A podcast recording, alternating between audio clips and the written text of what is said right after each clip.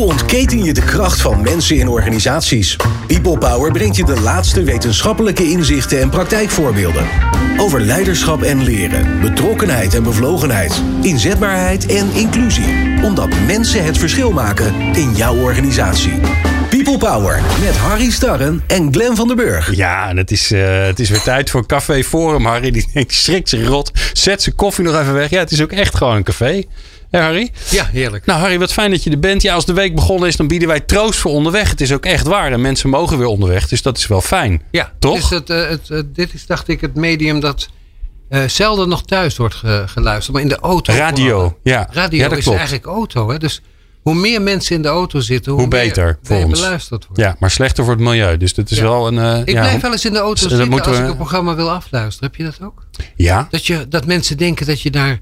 Wat zou die man aan het doen zijn? Weet je, je maakt Ja, gaat het wel goed? Indruk. gaat dat het je wel gewoon met naar hem? programma zit te luisteren. Ja. ja, en als je dan met z'n tweeën in de auto zit, is het helemaal vreemd. Ja, maar daar kan je ook op surveillance zijn. Hè? Doe je dat wel eens? Ja, Ja, zo leer je weer wat nieuws. We gaan het vandaag eh, hebben over eh, kiezen. We hebben al een, ik zal even noemen welke we allemaal gehad hebben. Hè? Ja. Gewoon even dat we trots kunnen zijn over onszelf. En dat doe ik dan Matthijs van Nieuwkerk stijl. Zal, Oh, zal zo ik dat doen? tempo. Ja? Afscheid, autonomie, burgerschap, crisis, drijfveren, evenwicht, feest, geluk, hoop, inspiratie en jeugd waren de vorige op, eh, afleveringen. En deze gaat over kiezen. Hoe kiezen wij? Hoe kies jij? Oh, hoe, ja, wat zijn de levenskeuzes waar je voor staat? Hoe kies je eigenlijk waar je gaat werken? En kies je daar überhaupt voor? Ja. Doe je maar wat? Hè? Ja word, weer- word je niet vaker gekozen dan dat je kiest? Word je gekozen? Ja, dat is ook nog. Ja. Dat wordt gelijk pijnlijk. Word je wel vroeger wel gekozen bij Gym? Nou, Nee. dat doen we met eh Abel Kemeling. Hij was eerder bij ons te gast. Hè? Eh, strategisch adviseur van Spring Associates. Nou, dat is allemaal hartstikke mooi. Maar hij is ook filosoof. Dus dan, dat, dat, dan denk ik altijd adviseur en filosoof. Dat is spannend. Studiegenoten zeggen dat hij goed terecht is gekomen. Oh, Ja. zij, zij zelf niet dus. Vaak niet, hè? Nee. En eh, Rick Lindhout is de gast. Niet voor, voor het eerst. Coach, adviseur, psycholoog. Waarom heb je hem uitgenodigd? Waarom koos je voor hem? Nou, omdat hij ook medisch specialisten eh, coacht, vooral dat is een specialisme. Dus hij zal met mensen praten. Die hebben dan ook nog van die vreemde keuzes te maken. Misschien heeft hij het daar wel over. Die kunnen vaak geen kant op, hè, want je bent medisch specialist voor je leven. Dus om dan te zeggen, ik ga iets anders doen, dat wordt thuis wel een heel lastig verhaal.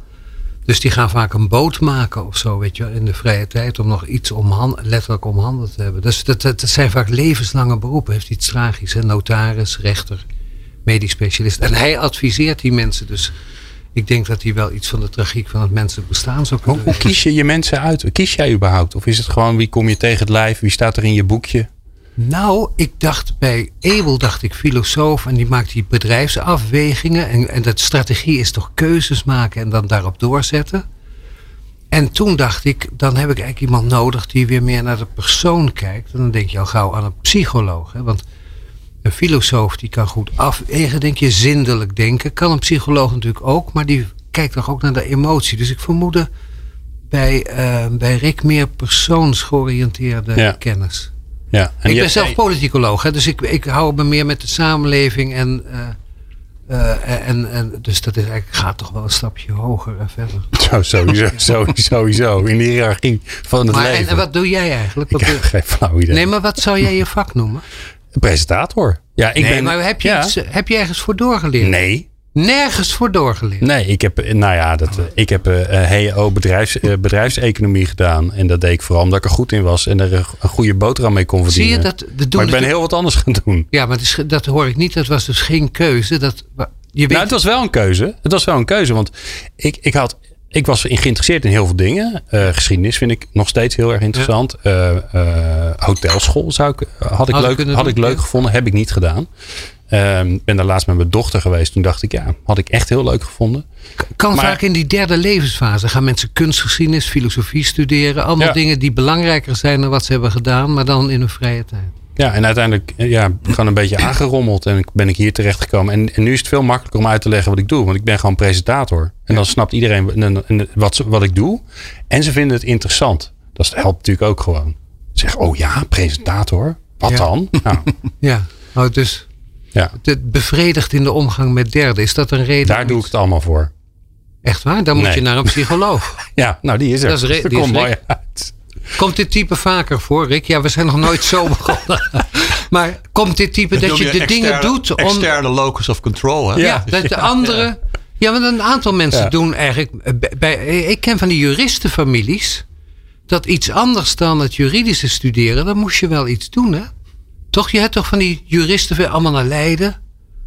En, en of, of allemaal in de media. Hè? Dat, dus de jongen van uh, de Mol die wilde eigenlijk iets anders, kan ik me voorstellen. Dan zei zijn vader, ben jij besodemieter? Dus heb jij gekozen wat jouw ouders... Hebben jouw ouders voor jou gekozen?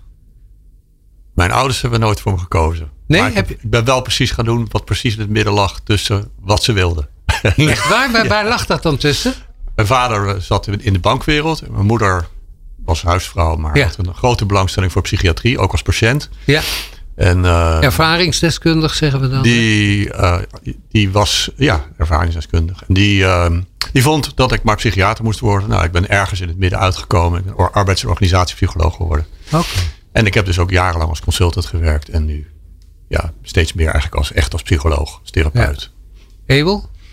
Ja, bij mij hebben mijn ouders, in ieder geval mijn vader, mijn keuze in ieder geval uh, heel erg negatief beïnvloed. Mijn vader was arts en uh, wilde heel graag dat ik dat ook uh, werd. Ja. en omdat hij altijd alles beter wist, dacht ik van hoe ga ik daar ooit onderuit komen? Want hij wist het vaak ook echt wel iets beter. Dat wordt over jou ook gezegd. Ja, dat is correct. Ja. ja, dat heb ik dus dan ook wel misschien meegekregen. Maar ik dacht, eh, medicijnen moeten dus niet worden. En dat was in die tijd nog heel makkelijk. Ik weet niet of dat nog steeds zo is. Maar je, hebt, je had er vroeger natuurlijk natuurkunde en scheikunde voor nodig. En ik dacht, als ik dat nou laat vallen, maar dat niet aan mijn vader vertel. Dus mijn vader kwam er in de vijfde pas achter dat ik helemaal geen scheikunde had. Ja, eigen schuld. Had hij, had hij maar En toen was het al echt veel te laat. En toen zat hij een keer te kijken. Toen zei van, wat zullen we nou krijgen? Ik zei, ja, dat heb ik al jaren niet meer. Dus dat is die optie, die was niet meer, uh, niet meer mogelijk. Je in mijn. Ik, ik kon bijna niet geloven dat jij filosoof was, omdat ik dacht dat is toch veel heel breed. Terwijl ik jou ken als zeer exact georiënteerd. Dus je had schei- en natuurkunde makkelijk kunnen doen, hè? Moeten we ik heb natuurkunde uiteindelijk wel gedaan. Ja. Uh, en ik ben afgestudeerd in de grondslagen van de wiskunde. Dus ik hou van het wat meer. Uh, dus de ethiek en dergelijke uh, in de filosofie was niet aan mij besteed, als vak althans. Maar wel die, ook, ook met symbolen werkende. Ja. Ja, dus de symbolische logica. Maar met name wat daarachter zit. Ja. En hoe simpel je dingen bijvoorbeeld kunt maken. Uh, hoe, het, hoe een systeem werkt. Een beetje universeel. Ja. Uh, dus in die zin vind ik wiskunde interessanter dan, of nou interessanter dan natuurkunde. Natuurkunde is natuurlijk vaak toegepast. Wiskunde is vaak wat abstracter. Nog puurder. Hè? Dat is nog ja, het is meer toegepast. Hè? Het is praktischer. Wiskunde is praktischer. Wiskunde, nee, sorry. Wiskunde is puurder dan misschien. Ja, ja. dat bedoelde ik. Ja, ja, ja. Ja, ja oké. Ik, uh, zullen we eerst meteen naar het einde van dit programma gaan? Ja, dat is goed. Zal ik dan de, jingle, de laatste jingle eerst, eerst draaien? Eerst de jingle en dan dat we de conclusies alvast weggeven. Dus dat ga ik straks vragen. Wat is de conclusie uit onze bijeenkomst? Ja, zal ik dan de, doe ik de eindjingle?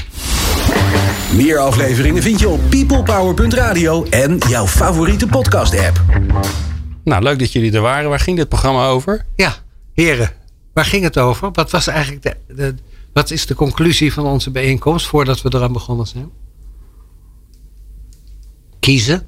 Wat is, ja, ik, ik, wat ik ervan meeneem is eigenlijk dat het toch. Uh, het is tegenwoordig natuurlijk heel populair om het over te hebben dat alles onbewust is en dat we dan achteraf daar een model op plakken. Ja. Een beetje kennen achter, zeg maar. Ja, terug. Maar dat als we erover praten, we er toch toe komen dat we wel degelijk heel veel dingen in ieder geval bewust proberen ja. te doen. Dan kan je erover twijfelen of dat lukt of niet. Maar wat misschien een beetje doorgeslagen is naar het idee van alles gaat vanzelf. We en we maken er daarna een mooi verhaaltje van. Ja, rationaliseren, maar we doen het intuïtief. Uh, min of meer spontaan. We worden eerder gekozen dan we kiezen. We zijn de vrije wil ook. Hè. Er is nauwelijks vrije wil of geen vrije wil.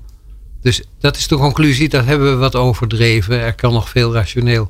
Als we terugkijken, wat, uh, waar komt het op neer, Rick, deze bijeenkomst? als, ik, dat is het toch? als ik naar mezelf kijk dan, uh, en naar hoe mijn leven gelopen is, dan zit daar toch een plan achter. Maar dat had ik van tevoren niet, had ik van tevoren niet kunnen bedenken. Ja. Zo, ja. Er zit een patroon in. Zo. Er zit een patroon in, ja. Er, zit, er zijn keuzes gedaan die uiteindelijk uitkomen waar ik nu sta. Ja. En daar zitten heel veel onbewuste keuzes bij, zoals Ebel ook zegt. Nou zeg je eigenlijk wat Ebel zei. Ja, er zitten heel veel onbewuste keuzes bij die je doet op basis van andere overwegingen. inderdaad uit het onderbewuste of uit, het, uh, uit je opvoeding. Of, nou ja. Ik heb het idee dat als het, dat is, ja, geldt voor mij, dat als je ouder wordt, dat je dat nog meer doet. Dus dat je, als je, in mijn geval, toen ik jonger was, dacht ik dat het enorm belangrijk was wat ik ging studeren. En achteraf denk ik, uh, dat zie ik bij heel veel mensen, dat je uiteindelijk toch uh, wat keuze voorafgaand, HAO of zo. Dat je als je dat presentator in je hebt, dat je het dan altijd er toch naartoe draait. Ja, dat duurt dus, alleen wat langer. Dus je ziet soms uh, jongeren ook heel erg over die studiekeuze. En dan denk je, ja. ja. Maar is het misschien ook omdat uh, hoeveel life choices maken mensen in hun leven? Op een gegeven moment lijken ze daarmee op te houden. Hè? Dat ze op oh een gegeven moment zeggen: Dit is hem wel Ik ben uh, 15, ik moet gaan studeren. Ik ben, dan ga je studeren, ik moet een baan vinden hoe wil ik leven? Uh, wil ik getrouwd zijn? Wil ik kinderen hebben? En dan op een gegeven moment houden ze gewoon op met keuzes maken. Ja. Glenn bijvoorbeeld heeft ons uh, verteld dat hij er nog nooit over heeft nagedacht. Om na zijn presentatorschap misschien toch een boot te gaan bouwen.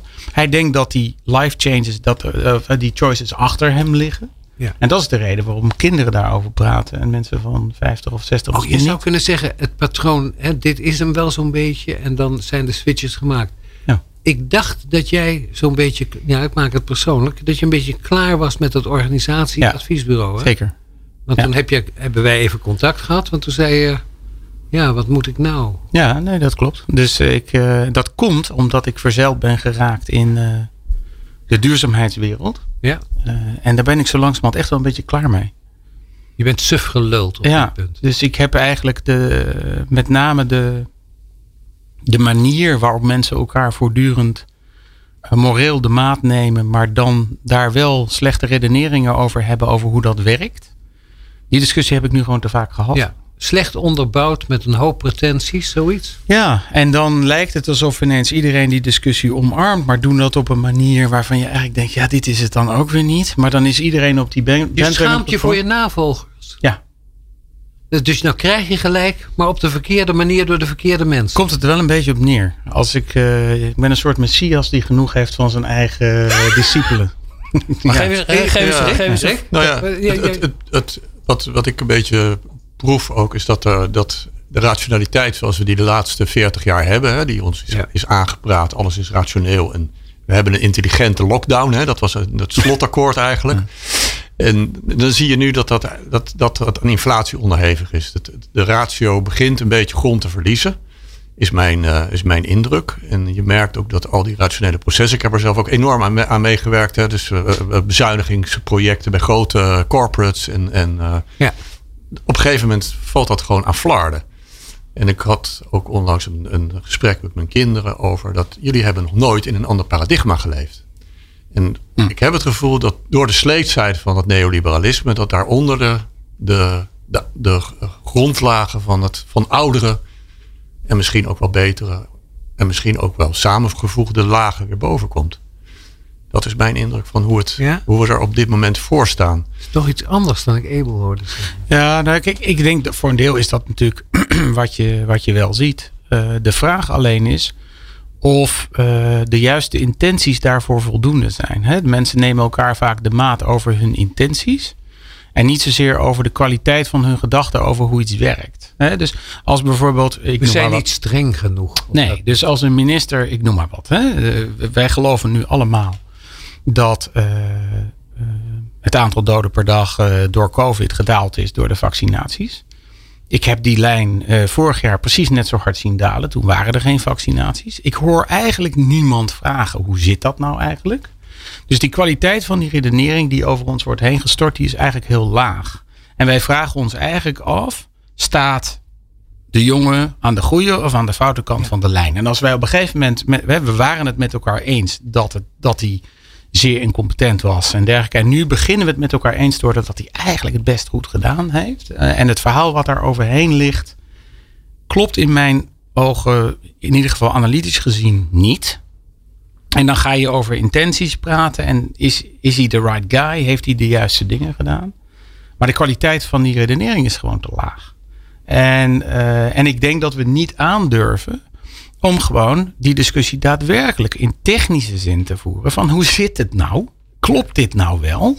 Uh, Omdat er meteen de connotaties van goed en fout. Ja, En dat zie je bij Shell, zie je dat de andere... Goed, ja, goed, we kunnen niet meer zonder goed en fout een redenering ontleed. Dus als je hem naar de verkeerde kant toe ontleedt, zit je aan de foute kant. Ja. Ja, ja, dus als je vragen stelt over het vaccin, ben je hem gelijk een wappie. Ja. Ook al. En het, de consequentie daarvan is dat niemand meer vragen durft te stellen. Ja, bijvoorbeeld. Maar je, kijk, je ziet bij Shell zie je die twee in elkaars verlengde liggen. Hè? Dus Shell had een kwaliteit van redenering die inderdaad niet deugde. Daar ben ik het wel mee eens. En die zijn dus eigenlijk ook moreel op hun plaats gezet. Maar ze zijn eigenlijk moreel op de plaats gezet waarvan de gemiddelde Nederlander al lang wist dat ze daar stonden. Dus mensen zagen dat als een bevestiging van zie je nou wel, die gasten zijn gewoon fout.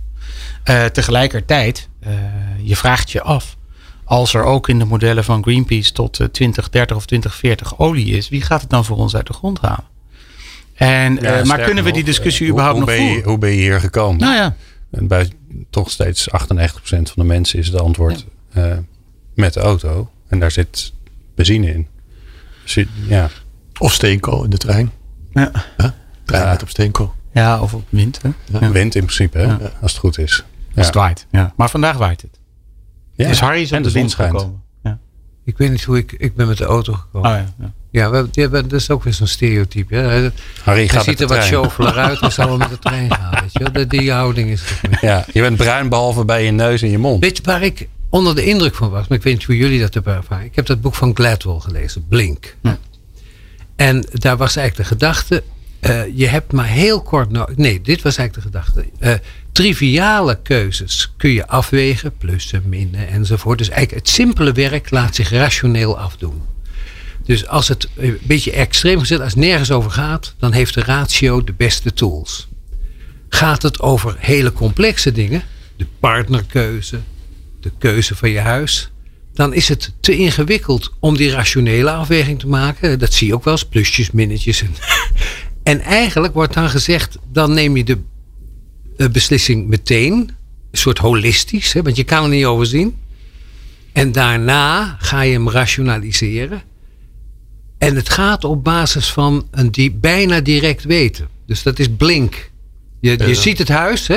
En het gek is, ik herinner me dat mijn studie. Ik, weet niet of je ik had beslissing ondersteunende systemen bij politicologie. was statistiek niet mijn sterkste kant. En dan deden wij zo'n beslissing ondersteunend ICT-programma. Daar deed je allemaal input in. Voor de keuze van de auto. Wat ging over politieke partijen. Maar we oefenden op eenvoudige, overzichtelijke dingen. Dus keuze van de auto. Dan deden we er alles in wat wij redelijk vonden. En dan kwam er de verkeerde auto uit. Ja, ja. dan moet je parameters ja, aanpassen. Ja, ja, ja dat deed we in. Hij moet goed dit, hij moet goed dat. En dan kwam er een auto uit. En dan zei, zei de betrokkenen, zei, dat bedoel ik niet. Hm. En dat bedoel ik nou wel. Dat we dus, dat wat je zegt, het verhaal van Gladwell, dat, dat, dat ziet ook op, eh, hij noemt het ook mini-cognities. Hè? Het is, eh, Ja, het zijn- in- intuïtie is, was, kwam, ooit, kwam ooit uit, uit het, domein, het domein van de vrouwen. Het was iets on, ongrijpbaars, iets on, on, onaan, onvatbaars ook. Ja. En Gladwell heeft het op de kaart gezet als een heel goede manier van besluiten. En eigenlijk nemen we heel veel van onze besluiten juist op die manier. Dat heeft te maken ook met een steeds toenemende hoeveelheid ervaringen die je terugvindt in, nou ja, Ja. In je hele Zoals goede snelle... schakers meteen kunnen Meteen zien. een positie verloren zien. Positie. Ja, Kijk Kijk meteen. dan naar. Ja. En dan, als Maar dat is een heel goed voorbeeld. Ja? Want eh, een schaken moet je wel geleerd hebben om te kunnen zien dat je die positie kan zien. Ja, dat is dus eigenlijk een heel analytisch proces om te bepalen hoe het spel werkt. En de tienduizenden partijen die je in je hoofd Ja, en daarna kun je En dan zie je op een gegeven moment eh, een soort voorspelmachine ben je dan. Van dit kan gebeuren, dat kan gebeuren. Dus het is daar eigenlijk niet zo dat je op basis van intuïtie kan je die positie helemaal niet Nee, zien. maar het is ook getrainde maar wacht intuïtie. even, hè. dat is wat intuïtie Rick is, zei. dus, dus zijn Ja, ja, ja, definitie ja. van, defi- van eh, intuïtie is een hele andere. Mhm. Dus hij zegt, het is gebaseerd op een heleboel, heleboel ervaringen Ja. die je hebt opgeslagen ergens Ja. in je Ja. systeem. Want waar het brein zich bevindt, dat weten we eigenlijk. het is een rommelzolder van. Een rommelzolder, ja. Nou ja, het komt ergens uit de morene van de gletsjer, komt daar iets naar boven. Wat er misschien al 5000 jaar eerder lag. Hè? Dat is, eh, Zoiets. En Als- dat is, als Maar metafoor. eh, jullie moeten Ja. mij even helpen, want ik ben Ja. in de war. Ene kant dat het heb begin je... van grote kennis zijn. hè? Ja, daarom. Dus Ja. ik, ik ben bang dat, er iets, eh, dat ik iets ga leren. Ja. Dus enerzijds heb je inderdaad Gladwell, die volgens mij ondertussen gezegd heeft dat het boek achterhaald is omdat hij weer nieuwe inzichten heeft. Maar oké, dat. Hè, dus dus eh, intuïtie fantastisch.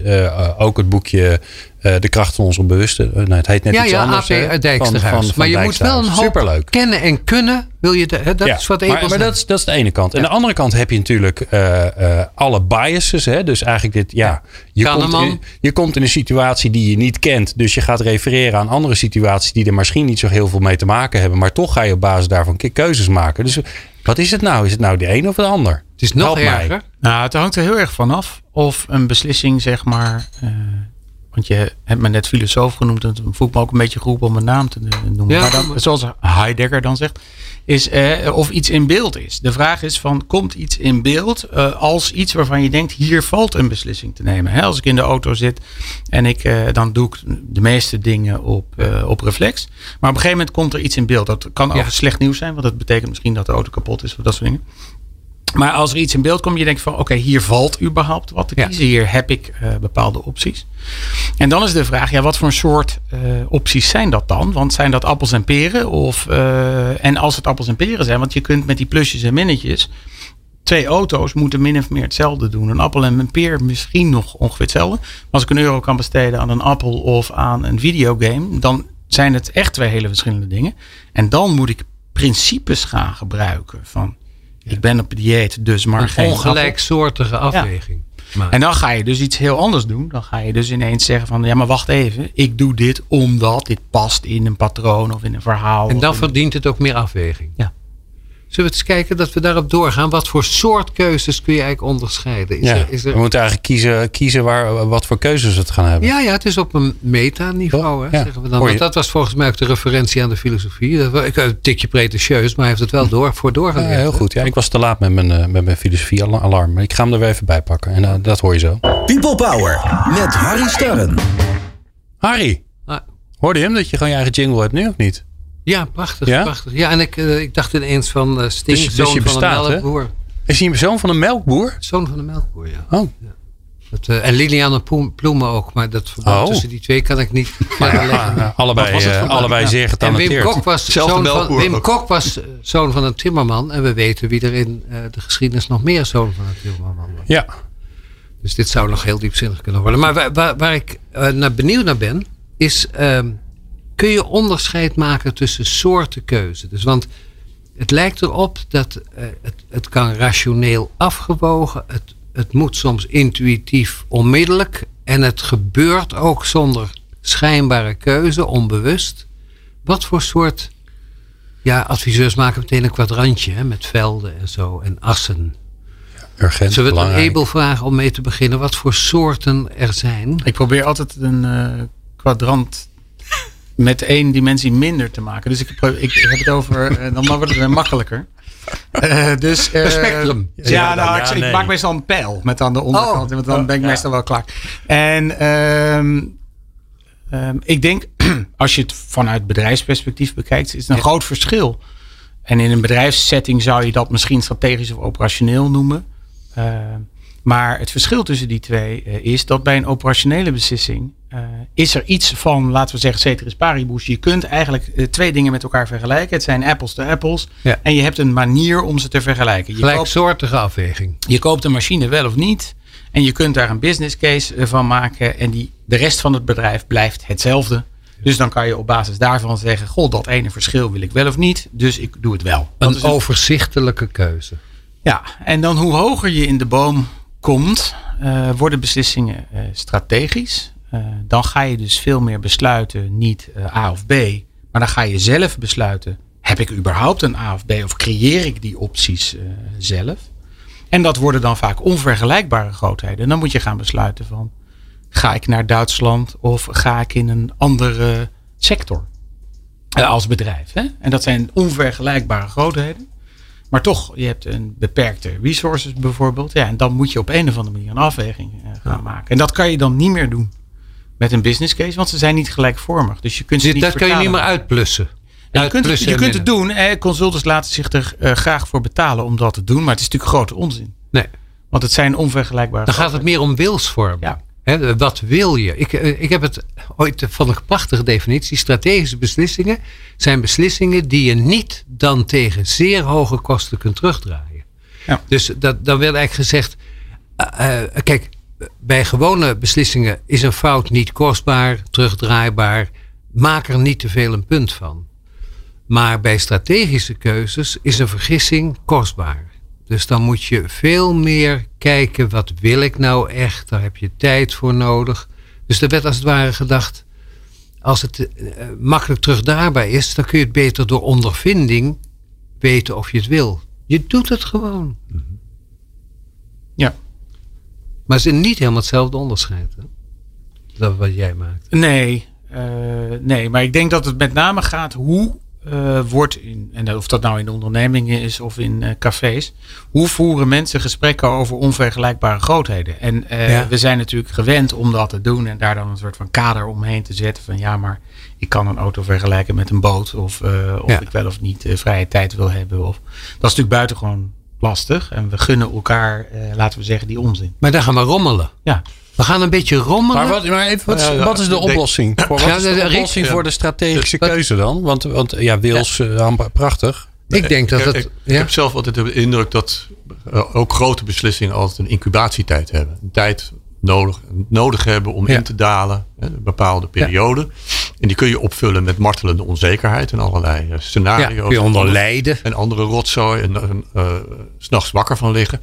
Je kunt ook dat gewoon beschouwen als de tijd die je nodig hebt om op het punt te komen. Wachten je, tot je eraan toe bent. Tot je eraan toe bent en dat ook gewoon met elkaar te doen. Hè? Dus ik zie dat ook wel terug in, uh, in grote artsengroepen. Er moeten besluiten worden genomen en die, die sneuvelen elke keer. Het zij op, op, op chicken shit, zoals ik dat noem. Hè? Ja. Allerlei onzinnige rationalisaties. Het zij op uh, emoties. Nee, dat kan niet. En, en dan ja. ga je weer een stukje terug. En dan ga je een stukje terug en dan stel je de beslissing als zodanig uit. En dan laat je ook mensen met elkaar dat gewoon op de gangen regelen en zo. En Wat ze nu met de formatie doen. Nou ja, eigenlijk wel, ja. Maar is de, daarmee zeg je, bij grote beslissingen heb je gewoon tijd nodig. Ja. En niet zozeer tijd omdat je heel veel moet rekenen of nadenken of lijstjes moet maken. Maar gewoon omdat je gewoon omdat het nodig is. Ja. Omdat eraan, je er gewoon ja, zoals een baby wennen. negen maanden nodig. Je moet eraan wennen. Ja, je moet het je natuurlijk wel kunnen voorstellen. Hè? Want het, het, daar zit het denk ik in. Van of je je onvergelijkbaar... Kijk, als je bij wijze van spreken zegt... Uh, gaan we vanavond uh, spaghetti eten of babi pangang... Ja. dan denk ik dat de meeste mensen proberen zich voor te stellen hoe dat smaakt. Ja. Ja. En dan denken van, goh, wat zal ik doen? Uh, en ik denk Ja, dat... dan hoor je toch ook wel zeggen... Nee, babi pangban, want gisteren hadden we... Hè, Dat zegt zo, ik ga niet twee keer achter elkaar. Hè? Of, of bijvoorbeeld zo'n mooie redenering. Nee, we nemen iets wat we zelf niet kunnen maken. Vind ik ook zo heerlijk. Waardoor er ineens een soort rust komt in de Oh ja, keuze. nee, dat is logisch. Ja, toch? Laten Ja. we iets kiezen wat we niet zelf kunnen Ja, maken. vaak komt Dat kan je moeder ook argument, maken. eh, maar dat geldt, dat geldt natuurlijk in zo'n... Als mensen zich niet kunnen voorstellen waar ze voor kiezen... dan gaat het natuurlijk sowieso mis. En dan komen die emoties worden natuurlijk ook wel sterker. Want dan weten ze niet waar ze in Dan zijn ze bang. Ja. Dus er moet wel iemand het voorstelbaar kunnen maken. Van zo ziet het eruit. En zo, zo moet dat ongeveer voelen. Je moet er een beeld bij hebben. Dat Ja. is wat je al zei bij Heidegger ook. Hè? Dat je eigenlijk dat je taak vooral is er beelden bij te krijgen. Uh, uh, van een situatie uh, waar je dan op terug zou kunnen kijken. Want dat is toch vaak wat we doen. Stel, je hebt het gedaan. Ja. Ik vond dat een van de. Je hebt, ik heb wel eens uh, iets niet gedaan. Een, een, een, een, belangrijke functie was dat, uh, geloof ik. In ieder geval hoog betaald. En toen had ik. Nee, maar ik was ook een beetje bang voor. En ik was ook wel gelukkig zoals het ging. En toen zei ik nee, en ik doe het niet. En toen zei iemand van tevoren.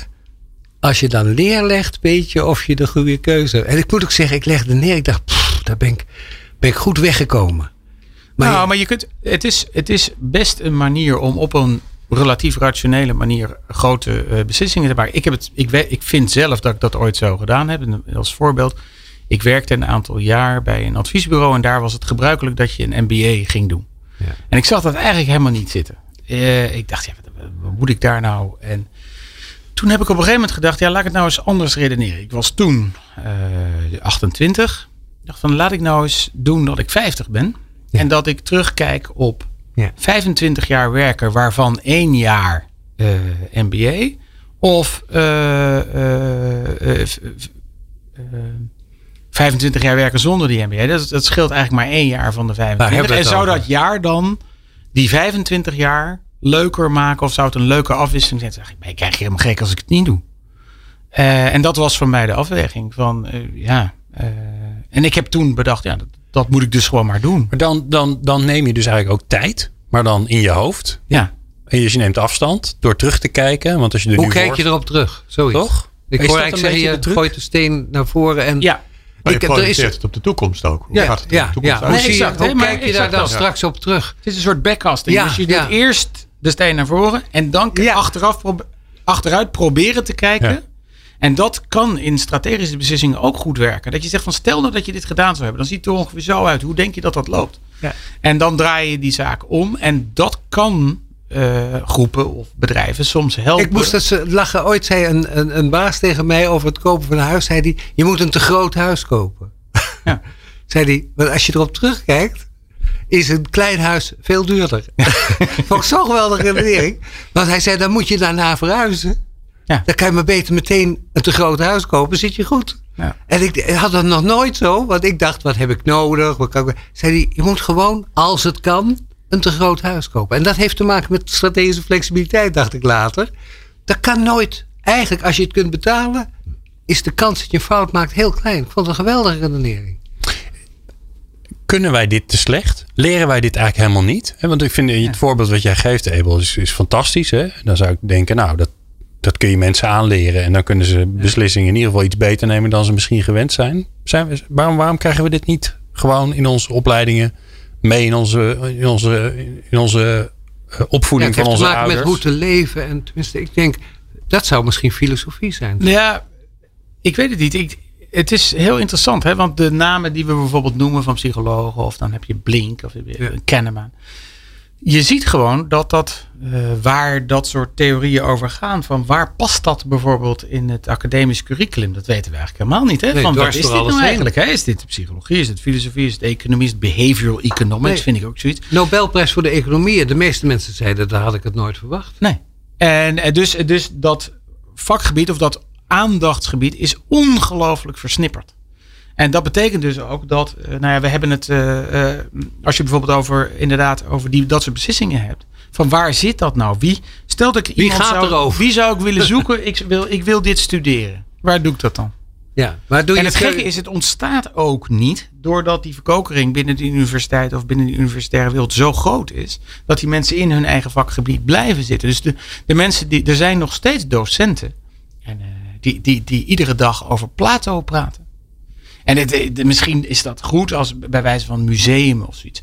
Alleen, eh, eh, dus daar, daar- ik denk Nee, dat daar nee, een functie is. ja. Alleen zo, defini- zo definiëren zij filosofie. Hè? Dus dat is wat er geweest is. Nou, dat gaan we allemaal bestuderen. Of we gaan alle oude psychologen bestuderen. Nou ja, de hele disciplinaire indeling komt, heb ik begrepen, van Aristoteles. Ja. En, die- en we hebben afgesproken dat die vakken bestaan.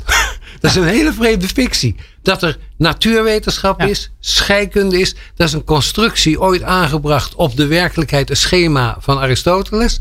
En nu zeggen we, het bestaat ook. Het is niet een indeling die iemand gemaakt heeft. Nee, het, het vak is er. nou, je ziet wel bepaalde. alle letteren. Zoiets, eigenlijk, een ja. soort van verzuiling. Ja, Maar- Maar, maar st- st- vind stel- jij het jouw vakgebied kiezen gaand, ga- de psychologie? Want je, ik denk bij politicologie, daar gaan wij over, hè? Eh, kiezen in het maatschappelijke veld. En eh, psychologie gaat over kiezen voor, voor personen en organisatie, organisatiepsychologie. Nou ja, het, het is natuurlijk.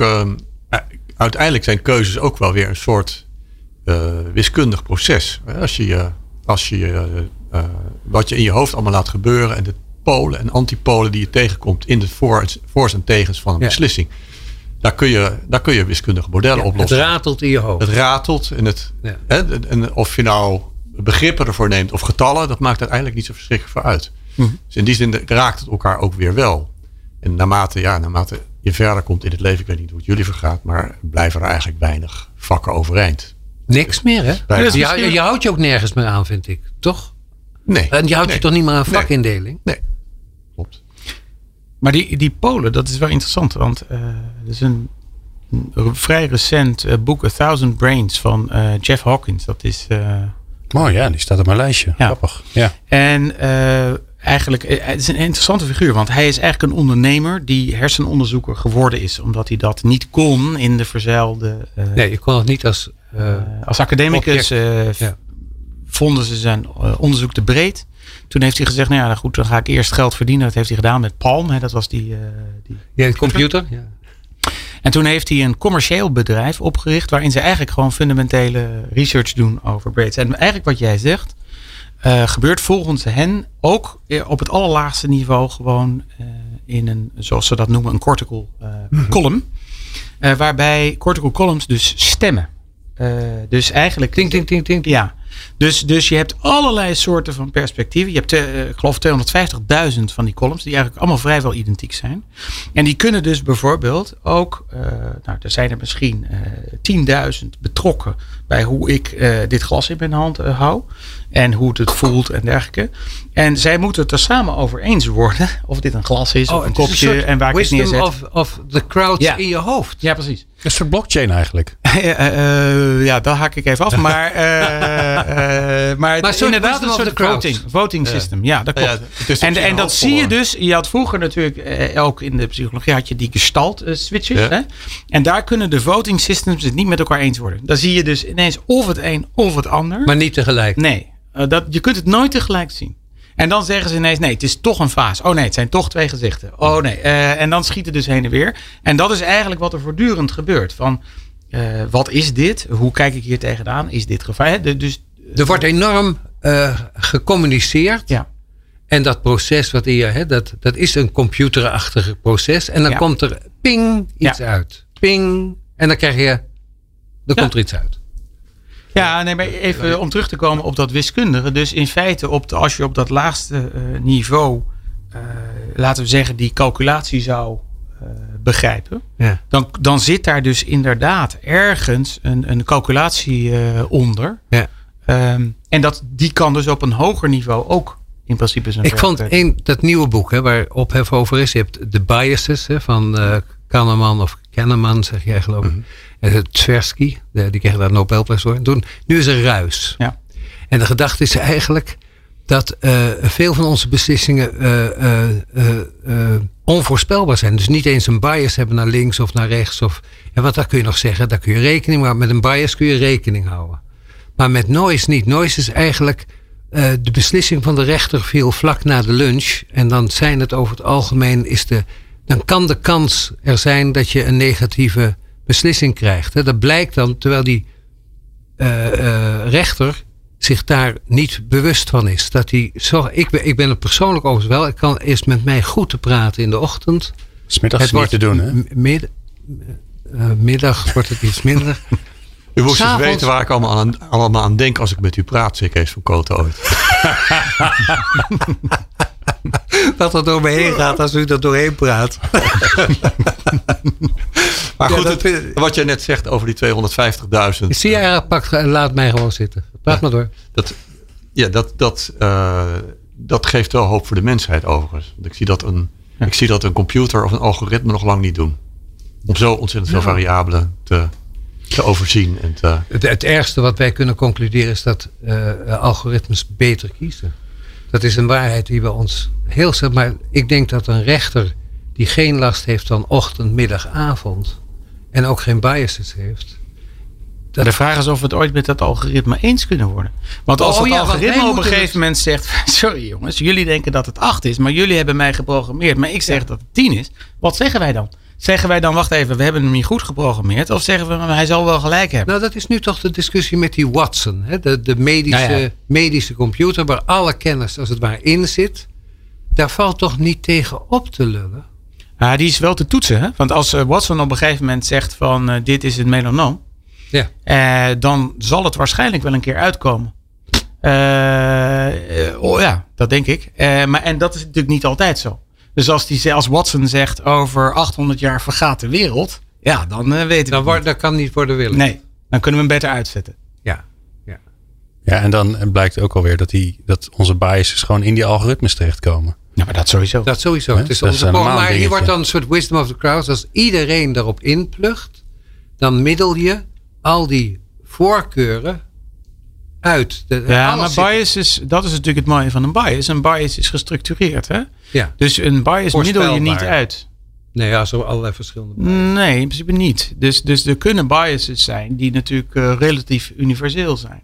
Oh ja, collectief Ja. door de. Ja. Ons dus- gezamenlijke bias. Zeker. Zou ik kunnen zeggen. Ja. Het misverstand dat wij. Wat, uh, Harry, wat gaan we in het laatste stukje doen? Ik zou het persoonlijk weer willen maken. Want uh, het, het, gaat hoog over misschien. Weet ik eigenlijk niet. Ik vind het zelf leuk.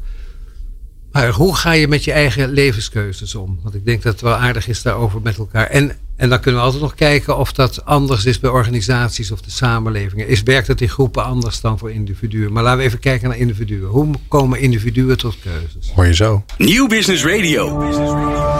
Non-stop. Experts en wetenschappers over de kracht van mensen in organisaties. People Power. cruciale en uh, Harry die heeft zijn koptelefoon weer niet op, dus die hoort de jingle niet. Maar dat geeft niks, Harry. Weet je, ik vind, ik vind dat je vandaag dat je het beter doet dan normaal. Je bent echt uh, beter dan je normaal bezig. ja, ja, ja. Ik, uh, ik hou wel van jou. Ja, um, fijn. Ik zou heel erg graag praten over hoe wij met onze eigen cruciale momenten zijn. Die, die cruciale momenten zullen er zijn in je eigen beleving, in je eigen geschiedenis. Die brengen we ook aan in de grote geschiedenis. Cruciale momenten, Wereldoorlog 1, Wereldoorlog 2.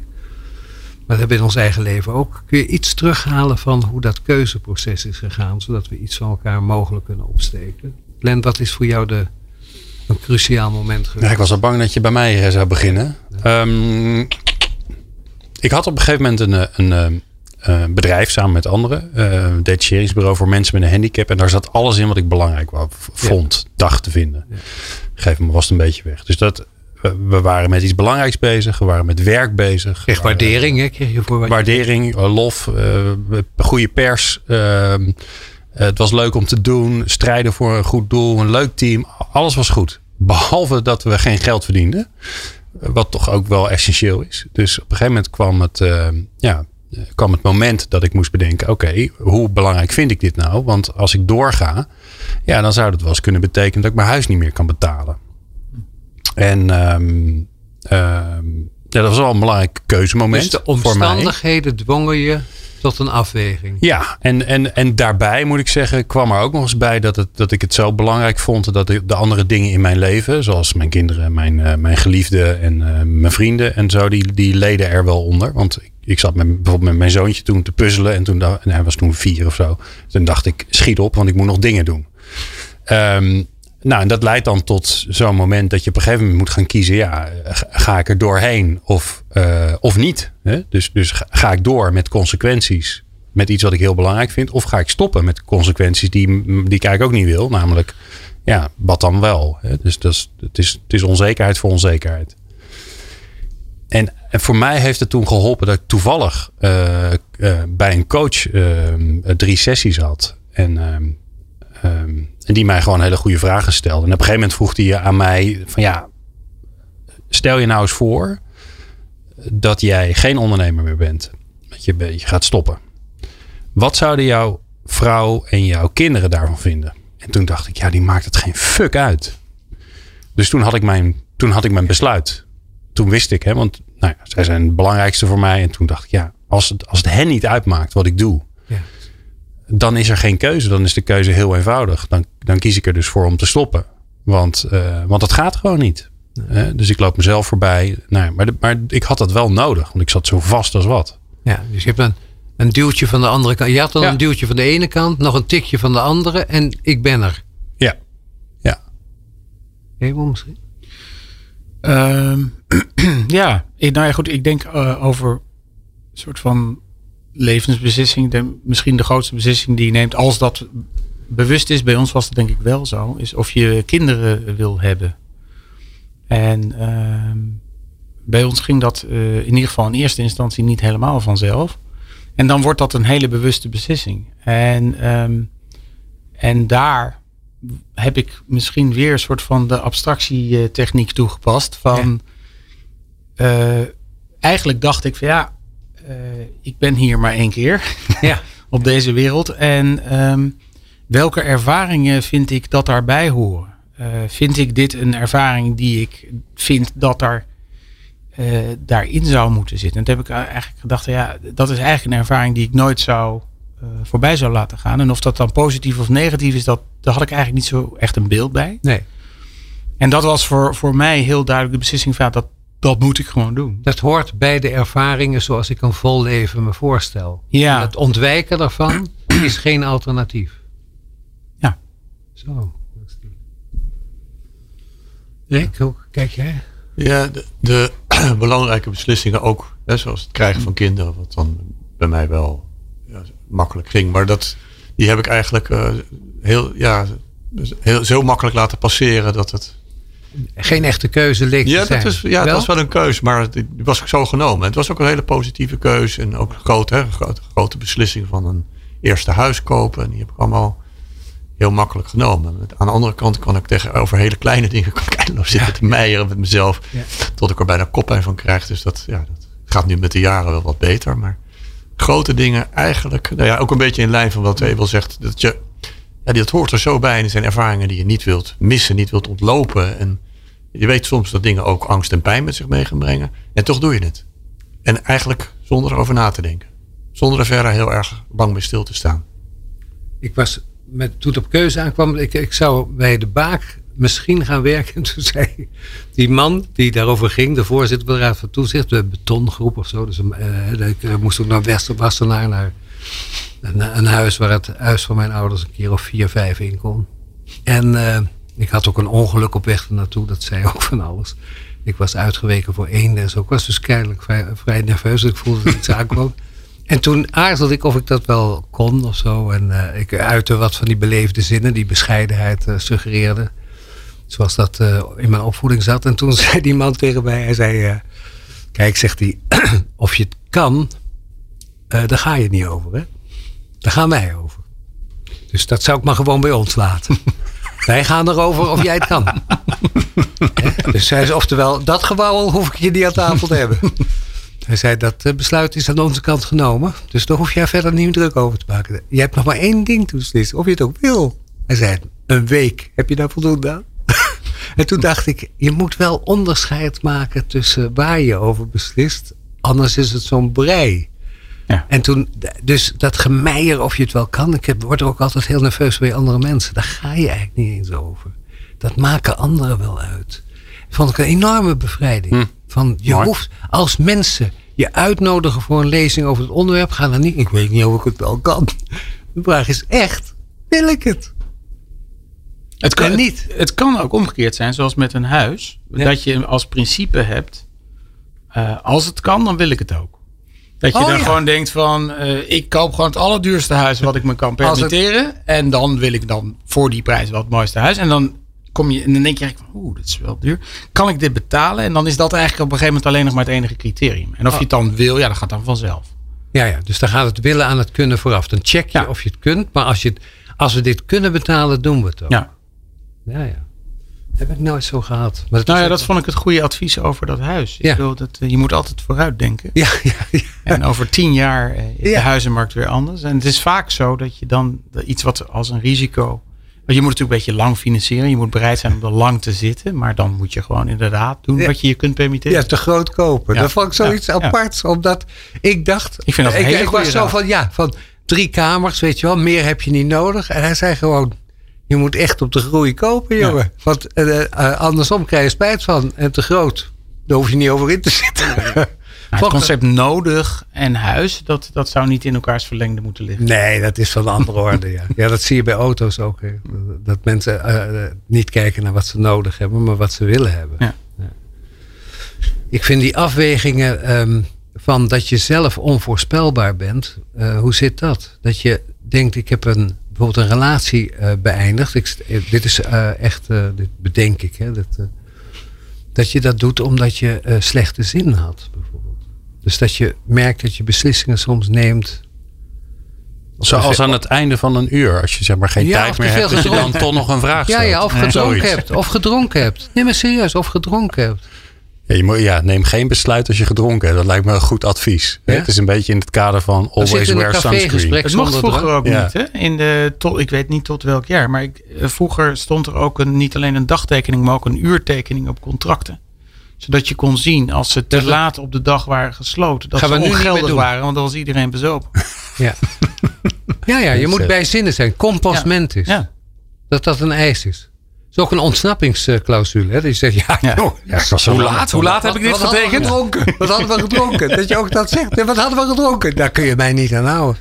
Vond ik bij, heb ik ooit, dat is zo lang verjaard, bij de politie gehad dat ze vroegen of ik een verklaring wilde tekenen dat ik onder invloed was. Ik vond dat een van de merkwaardigste verklaringen die een mens kan tekenen. Maar je bent altijd onder invloed, toch? Van elkaar hè, en Ja, van jou daarom. ook.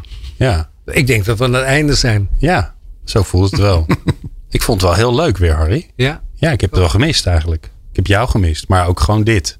dit. Ja, ik heb Ja. een maand overgeslagen door ja, ontstentenis. Ja, ja. Nee, daarom. Daarom zeg ik. Ik- Daarom geef ik even wat Volgende liefde maand terug. weer. Eh, Of ja, niet? Ja, dat weet ik eigenlijk niet. Uit mijn hoofd. Ik denk het wel, toch? Waar, waar gaan we het dan over hebben? dan Dan gaan we naar de L. Eh, Van- ik dacht lust en liefde. Oh. Maar dan moet wel, dan niet meer alleen maar oude mannen, hè, zoals we nu hier zitten. Nee, en dat zeg was, ik, eh, ik zeg tegen Radio, hè? mezelf, Dat ziet niemand. Nee, maar je hoort Nee, het maar je wel. hoort het toch? lust en liefde. Zullen we dan gewoon twee dames uitnodigen? Want dan zijn we weer een beetje Ligt in balans. heel erg voor de hand. Ja, hè? Alright. Ehm, eh, ik, ik dank jullie allen zeer. Fijn dat jullie er waren. Ebel Kemeling, fijn dat je er weer was. Na, nou, ik denk dat wel een paar jaar geleden is ondertussen. Dus eh, eh, veel succes met de keuzes in je leven. Ehm, en Rick Lindhouk, nou ja, het- hetzelfde. En natuurlijk bij het helpen van de keuzes van anderen. Volgens mij kun je dat goed. Harry, fijn dat je er was. Tot de volgende keer. Dag Glenn. En jij natuurlijk bijzonder dank voor het luisteren. Eh, meer luisteren kan via peoplepower.radio. Meer afleveringen vind je op peoplepower.radio en jouw favoriete podcast app.